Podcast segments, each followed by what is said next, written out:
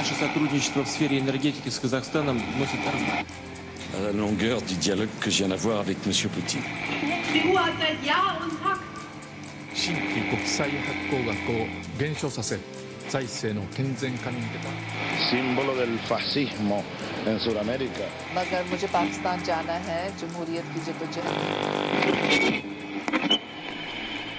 Sør-Sudan er verdens yngste stat og var frem til 2011 en del av Sudan. Lykken var stor i Sør-Sudan da de endelig ble selvstendige, men det ble raskt uenighet om hvem som skulle ha makten i landet. Den sterke nasjonalfølelsen som herjet under selvstendighetskampen forsvant fort, og de etniske konfliktene i landet kom raskt til syne. Sør-Sudan er preget av en rekke kompliserte etniske konflikter og et anspent forhold til Sudan. I 2013 utbrøt det borgerkrig, og det ble i februar 2017 erklært hungersnød i landet. Det er ingen tvil om at Sør-Sudan står overfor massive utfordringer på flere kanter.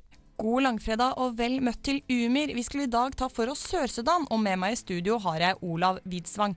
Mitt navn er Kjerstin Bråten, og vi er tilbake rett etter Daniel Kvammen med Du fortjener en som meg. Har du selv hatt samtale med Meshal? Nei. Kan vi ikke ta eh, opp opptaket på dette eh, på ny? Hvis du heller ikke fikk med deg alle spørsmål, kan du høre alle våre sendinger på iTunes og srib.no.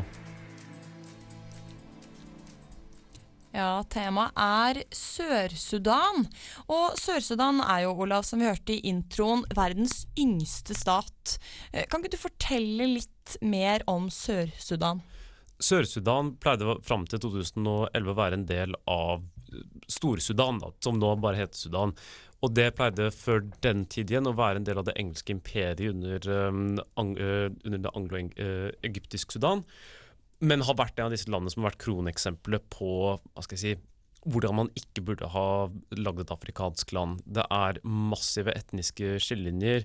Uh, forskjellige stammegrupper som ikke liker hverandre i det hele tatt. Og så har du da altså det religiøse aspektet, ved at du har sto, et stort skille mellom muslimer og kristne. Eh, Sudan eh, har egentlig siden de ble, ble gjort fri i 1956 hatt store problemer med borgerkriger og mangelproblem på den sentralmakt. Det er, altså Sudan da, fram til 2011 var jo et massivt land som strakk seg liksom langs hele Øst-Afrika. Og du hadde altså, hva skal jeg si, folkemord i Darfur et par år tilbake. Du hadde massive problemer med etnisk rensning og konflikter. Men så ble det da et fritt land, da. Sør-Sudan, som da er for det meste kristent, i motsetning til den nordlige delen av Sudan, som da er muslimsk. Um, og man trodde dette skulle hjelpe grann. For alle har jo vært relativt enige om at uh, afrikanske land har slitt veldig mye med å liksom blitt uh, lagd med linjal av Altså selvstendigheten dere skulle hjelpe? Ja, Ja. altså det, det man trodde skulle hjelpe til, var fordi at veldig mange afrikanske land sliter jo med at de har blitt lagd av folk som ikke hadde så veldig god peiling på Mm. området. ikke sant? Folk som har sittet i England eller Frankrike med linjal og tegnet opp. Og man lurer på om man burde da splitte opp afrikanske land, og at det Mm. vil hjelpe. Sør-Sudan er et eksempel på at det har ikke vært nok. For som vi sa i introduksjonen, så det jo, var det en ganske stor nasjonalfølelse. Man håpet liksom endelig ville det bli litt roligere, men det har det ikke blitt i det hele tatt. Altså Sør-Sudan er en sviktet stat, altså en failed state, som man sier på fagspråket, og har gått totalt inn i kaos med da sult og borgerkrig, etniske konflikter, regelmessige massakre og hva skal jeg si, det er et sted du ikke har lyst til å våkne opp. Ja. Det kom jo også en ny FN-rapport i februar i år hvor eh, det har blitt eh, observert eh, både voldtekter av kvinner og barn og tortur, og barn som blir solgt i bytte for dyr og blir gjort om til soldater. Og så sier den også at annenhver person sulter. Så det er jo tydelig at det har vært en forverring av situasjonen de siste årene.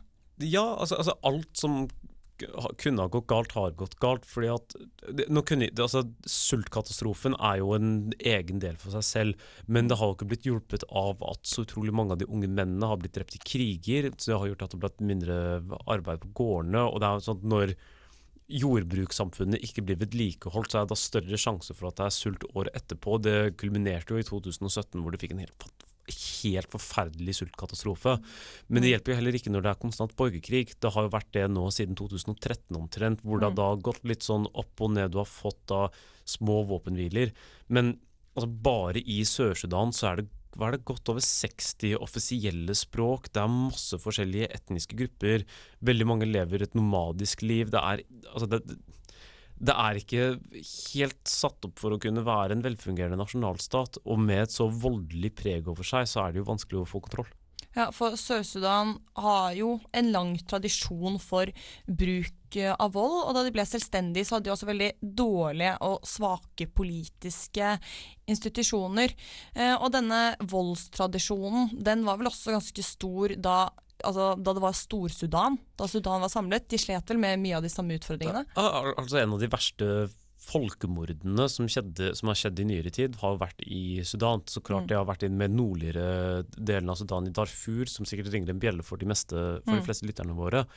Og Sudan har bare Altså, det er ved siden av de etniske og religiøse og stamkonfliktene, så er det jo et ressursspørsmål òg, for at du har jo massive oljeinteresser, og det er spesielt i Sør-Sudan. Og det har jo da Det var mye konflikter mellom Nord-Sudan og Sør-Sudan hvem som skulle få kontroll over det. fordi at i den sørlige delen av Sudan har ikke noe kystlinje grense mot Etiopia, mot Etiopia, mens den nordlige delen av Sudan har da kystlinje mot Rødehavet. Så Juba, hovedstaden i sør, kontrollerte da oljen, men mm. Kart, uh, Khartoum og nordlige delen av Sudan så, uh, kunne få den solgt videre. Og konflikten mellom hvem som skulle kontrollere det, er en like sentral del av hele konfliktbildet her. Så det er jo mangt å velge mellom for hvorfor da folk skal fly trynet på hverandre. Og vi skal snakke mer om eh, borgerkrig og konflikter innad i Sør-Sudan. Hei, det er Marte fra Jentegarderoben. Du hører på utenriksmagasinet Nyere. Ja, jeg har fortsatt med meg Olav her i studio, og vi prater om Sør-Sudan i dag, Olav. Og vi har snakket litt eh, om det at de har lidd veldig av borgerkriger og konflikter. Og i 2013 så utløste det jo seg en ny borgerkrig. Eh, hva hadde denne borgerkrigen utgangspunkt i, eller hva var den utløsende årsaken? Altså, i Sør-Sudan i 2013 så anklagde den sittende presidenten uh, Kiir uh, deputantene hans Rik Maka for å prøve å gjøre et statskupp for å ta over makten uh, fra president Kiir.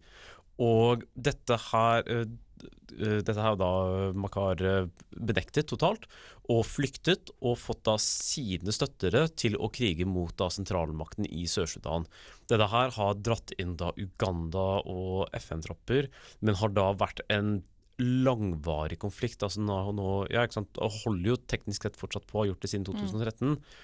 Og det er en ekstremt desentralisert krig som gjør det veldig vanskelig for å komme med noen ordentlige parter, hvis man går og ser på hvem de forskjellige styrkene er da, i denne konflikten her, så er det da masse forskjellige militsgrupper med da forskjellige tilhørigheter til forskjellige områder, stammer og etniske grupper, som da kriger mot hverandre. Og dette her har vært en sånn virkelig fæl, traumatiserende krig hvor du har hatt massevis av massakre, hvor det da har kommet en, hva skal jeg si, en milits eller en uh, armé og da liksom drept alle mennene, voldtatt alle kvinnene og kidnappet alle barna. Og dette har da pågått igjen og igjen og igjen. Og altså, de sørsudanske si, offisielle troppene er heller ikke noe særlig sympatiske motstandsbevegelsen er ikke noe særlig sympatiske, og det er, det er, det er virkelig helt, konflikt, helt, konfliktfylt og er helt forferdelig. Men for dette begynte jo, som du var inne på, som en sånn maktpolitisk kamp innad i regjeringspartiet. Hvordan har det skjedd at det har fått en utvikling som har fått det så stort, eller ført til så stort omfang av sivile som er rammede? Vel, vi nevnte jo tidligere med at det har vært veldig mye sult mm. i Sør-Sudan. Og hva dette her har skapt i landet, er et, en befolkning som lever helt på randen, ikke sant. Og det er et land der hvor unge menn spesielt ikke har noe som særlig tyder på en god fremtid. Og da å løpe ut og ta en kalasjnikov ser ut til å være den sikreste måten å kunne overleve på. Så det er jo da en stor del av den unge befolkningen, som det mesteparten av befolkningen er, er nå ute og kriger. Lokalsamfunnene har blitt helt ødelagt. Og det er jo fordi at du ikke har hatt en altså, hva skal jeg si, det, det, har ikke vært noe politisk klima der, nesten. Du hadde mm. da frigjøringen i, 2000, i, 2011, som var da sett på som en ekstremt ekstremt forhåpningsfull greie. Norge var veldig veldig med på det. Jeg lurer på om en av de, det, noen av de første landene der hvor Sør-Sudan fikk en ambassade, var i Norge, faktisk. Men det var ikke noe politisk klima. Det var få gode politiske institusjoner. Du hadde ikke et system som kunne vedlikeholde en politisk, politisk respekt. Og det ser man jo i veldig mange land der hvor det har, hva skal jeg si, der hvor de har løsrevet seg eller de har fått et nytt folkestyre.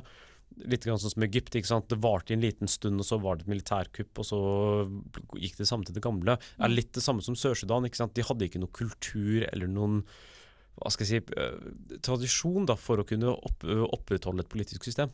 Og For å forenkle det veldig, da, så kan man jo si at uh, denne konflikten i stor grad står mellom dinka og nuer, som er de to største folkegrupp folkegruppene. Men så har det etter hvert blitt veldig fragmentert. Det er jo veldig mange undergrupper også innad i hver av disse hovedfolkegruppene som kjemper mot hverandre. Og så har man jo på toppen av dette den manglende nasjonalfølelsen. Og det fører jo til at man i stor grad får en veldig sånn gruppetilhørighet i Sør-Sudan. Hva er det å si Altså, al altså Det minner veldig om de fleste afrikanske konflikter som har vært nå i løpet av siden dekoloniseringen av Afrika. er at Du får ikke land som kriger mot hverandre med sånn Mm. to veldig konkrete militærgrupper. Du har heller da en ut en, hva skal jeg si, en, en etnisk gruppe innad i militæret, ledet da av en pragmatisk leder, som da går ut og altså hva skal jeg si, går på et sånt lite vikingtokt, minner nesten mest om på eh, landsbygda, og da kanskje selger noen eh, konfliktmineraler eller konfliktressurser for å da opprettholde det, og da lever av landet, ikke sant, spiser det du finner fra lokalbefolkningen, og så holder det videre. Mm. Vi skal snakke mer om sultkatastrofer og flyktninger både innad i Sør-Sudan, men også de som har flyktet på tvers av landegrenser. Rett etter at vi har hørt Linni med ravneblod og fått en kommentar laget av vår medarbeider Snorre Vange. Mir var en sovjetisk romstasjon som i utgangspunktet var bygget for å vare tre år. Den varte til sammen 16. Som sin navnebror strekker utenriksmagasinet Mir seg ekstra langt for å gi deg det beste utenriksstoffet. Sør-Sudan, et land i konstant konflikt. Hva er konflikten, og hvorfor har ikke Sør-Sudan klart å få til intern ro og få til en våpenhvile mellom de krigende faksjonene? Svaret er ikke så enkelt, men ett av dem går tilbake til kolonitiden. Hvis en tar opp et verdenskart, så kan en se at grensene er veldig pene og rette, som står i sterk kontrast til det en ser i resten av verden. Disse linjene ble tegnet opp av kolonimakten i Europa. Altså, de har mange forskjellige etnisiteter og stammer som kjemper for sin side.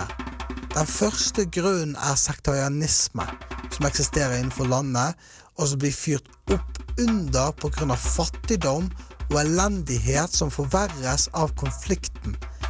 Men det er også en politisk konflikt. I juli 2013 avsatte president Salva Kiir visepresident Riek Machar.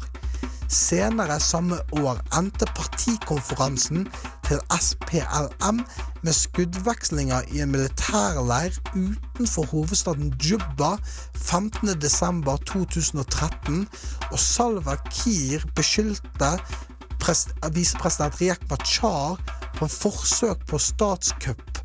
Konflikten mellom de to har et historisk bakteppe og går tilbake til 1991, da Machar opprettet sin egen opprørsgruppe ved siden av SPLA. I løpet av kort tid ble SPLM splittet, hovedsakelig langs etniske skillelinjer. I løpet av 2014 var det fem forsøk å få i stand en fredsavtale mellom de to stridende partene, men ingen av dem lyktes.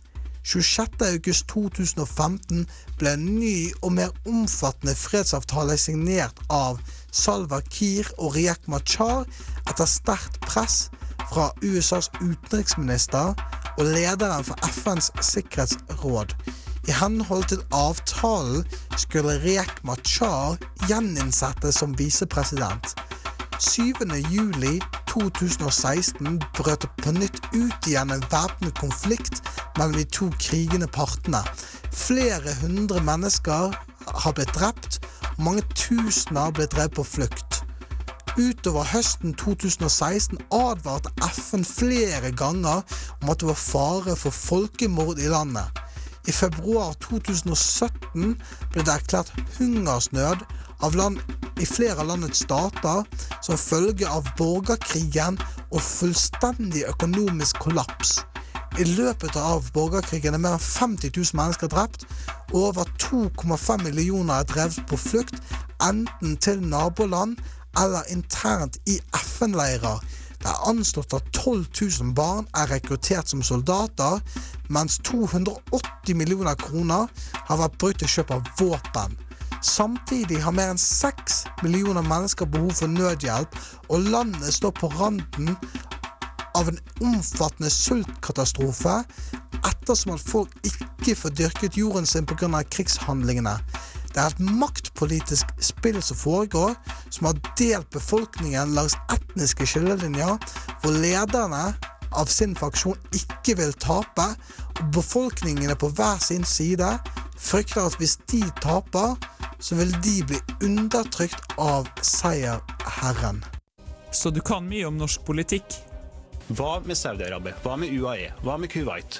Hva med uh, hele Latin-Amerika? Hva med hele Sør-Amerika? Hva med hele Asia? Hva med Japan? Hva med Kina? Hva med Russland? Hør på utenriksmagasinet MIR, og få med deg hva som skjer i resten av verden også.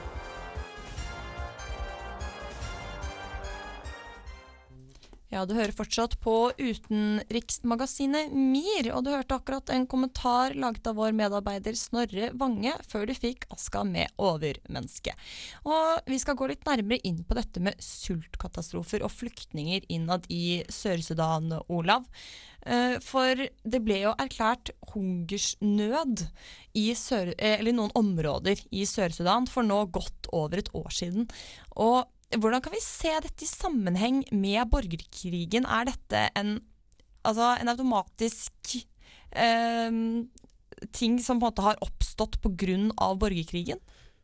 Altså Sulten som var et år siden, som, som sa var litt over et år siden, var en del av en større sultkatastrofe. Altså hele Sahel-området, altså det som, området som er liksom helt i bunnen, hva skal jeg si, da, sør, sørlige delen av Sahara, Mm. uh, led jo av sult. Altså fra da Spesielt i Nigeria, Sør-Sudan, Somalia og i Jemen så var det ekstremt forferdelig. Og Sør-Sudan har jo da, som vi har nevnt tidligere, har jo hatt litt sånn si, Det har ikke vært så godt rustet for å kunne forberede seg på en sånn sult. Mm. Og det var jo he helt forferdelig. Og det var, det var mye snakk om det, men jeg tror nesten at det ble litt glemt samtidig, for at det har vært andre konflikter samtidig som man kanskje er litt mer så hva skal jeg si, interessante eller kanskje mer nærværende i forhold til det. Um, spesielt dette her med at 40% av den sørsudanske befolkningen sultet. At Mm. jeg lurer på om hver dag så døde én av 5000 mennesker pga. sult eller underernæring. Ja. Viser til at dette her var jo en eh, katastrofe som hele befolkningen følte på. Mm. Og det er jo et varmt sted. Altså det er jo, ligger jo et område som er ganske hett. Og med tanke på klimaendringer og da en konflikt som da har Altså den borgerkrigen som har gjort at kanskje ressurser har gått andre steder enn å kunne passe på at jordbruket har kunnet opprettholde seg ordentlig, Mm. så har jo da hele befolkningen slitt. Og spesielt når du har da hatt en så stor del av den vanlige befolkningen vært ute og kriget, og da kanskje har røvet eller plyndret uh, gårder for den lille maten de hadde, ikke sant? så ender jo folk opp i de verste situasjonene man kan se for seg. Ja, Det blir jo sagt at annenhver person i Sør-Sudan uh, sulter. Men hva er det blitt gjort fra myndighetene i Sør-Sudan uh, sin side for å prøve å forbedre denne sultkatastrofen? Altså De har jo fått veldig mye hjelp. Altså De har jo Mm. pøset inn penger inn i Sør-Sudan så å si helt siden 2011. Ikke sant? For at når det er et, en, et så ungt land, sant, så trenger de hjelp. Og spesielt når det har såpass dårlige forutsetninger for å kunne vedlikeholde seg. Problemet er at de pengene har blitt litt dårlig allokert. Altså Juba, hovedstaden i Sør-Sudan, er jo så korrupt som man kan få det. Altså det, de har jo en internasjonal flyplass, men den har blitt kåret som den verste, en av de verste flyplassene i hele Mm. verden. Jeg lurer på om det er bare en sånn flat stripe med jord og et par telt og en åpen kloakk. Og det er jo liksom Fattigdommen er så intens. Konflikten traumatiserer jo folk nonstop. og det er, altså det er vold og sult og sult og vold. Og det gjør at det er lite man kan gjøre enn å stikke av. Og det er derfor man da har fått denne massive flyktningkatastrofen som Mm. også er der. ikke sant? Og som du nevnte, Det er jo en av de landene der man har flest flyktninger. Og det er et ganske stort land nå. altså Det er jo varierer, varierer litt på hvor mange som bor der, men det bor jo nesten hva det er, 12 millioner mennesker. Mm. Som sier jo at det er jo ikke et sånt lite land dette her heller. altså Det bor jo millioner av mennesker der. Og hva er det da? Ikke sant? Når, hvis, som du sa, halvparten av befolkningen slet med sult, så er det godt seks millioner mennesker som går rundt og er dritsultne hele tiden. Og som du sier, så er jo Sør-Sudan et stort land. Er det da en del områder her hvor det går an å ha et tilnærmet normalt liv? Jeg har jo ikke vært der. Jeg kjenner ingen som har vært der. Men ut ifra statistikken fra hvor jeg ser det, så ser det jo ikke ut som det første stedet du har lyst til å flytte etter at du er ferdigutdanna. Men det er, jo, det er jo stor variasjon i det, og det er noen steder som har blitt hardere Mm. rammet enn andre. Men dette her er jo en del, altså det er jo et land som også har vært utsatt for sult flere ganger på rad. ikke sant? Altså I 98 så var det en sult som var helt forferdelig, og på 80-tallet var det også en annen sult. Så det er jo et land som har slitt med dette konstant. Og det har jo siden 2013 så er det fire millioner eh, mennesker som har flyktet fra hjemmene sine, ifølge FN. Og vi skal snakke litt mer om responsen fra det internasjonale samfunnet, og også innblanding fra andre aktører. Hei, dette er forsvarsminister Ine Eriksen Søreide. Du hører på utenriksmagasinet MIR. Det gjør du, og temaet er Sør-Sudan.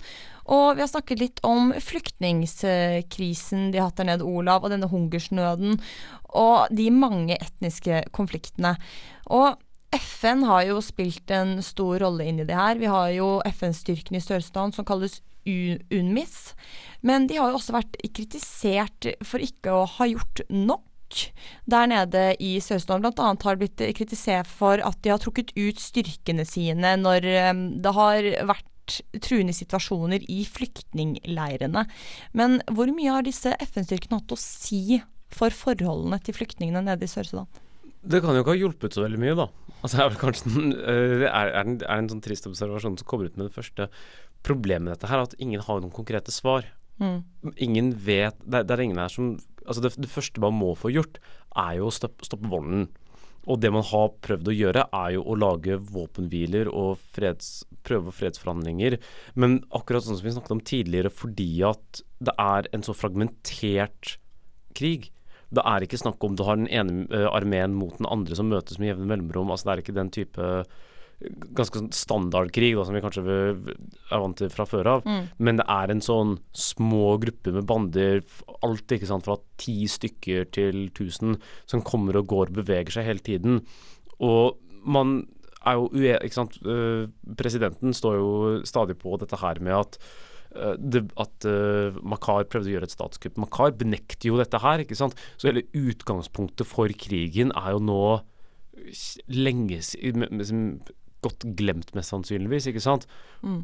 For det har jo blitt gjort uh, fredsavtaler, som du sier. Eh, mange ganger har det blitt inngått avtaler, men vi ser jo at disse blir brutt gang på gang på gang, også mellom disse to lederne. Eh, hvorfor greier man ikke å holde på noen av disse fredsavtalene? Altså, i, i, i de fleste borgerkriger ikke sant, så har man jo vanligvis et relativt konkret I de fleste kriger så har man jo vanligvis et konkret mål. Men Mm. hva er målet her? Altså, I et land der hvor halvparten av befolkningen er skrubbsultne, målet må jo være, er jo, som jeg ser på det, er liksom bare å overleve. Mm. Og spesielt når det kommer til stammetilhørighet og etnisk, eh, etnisk identitet, så er det jo nå en hel generasjon som har da grudges mot de andre gruppene, ikke sant. Og å kunne lage en god, langvarig fred med et land der hvor utgangspunktet til fred er da OK, hva er det som skjer da? Da sulter vi.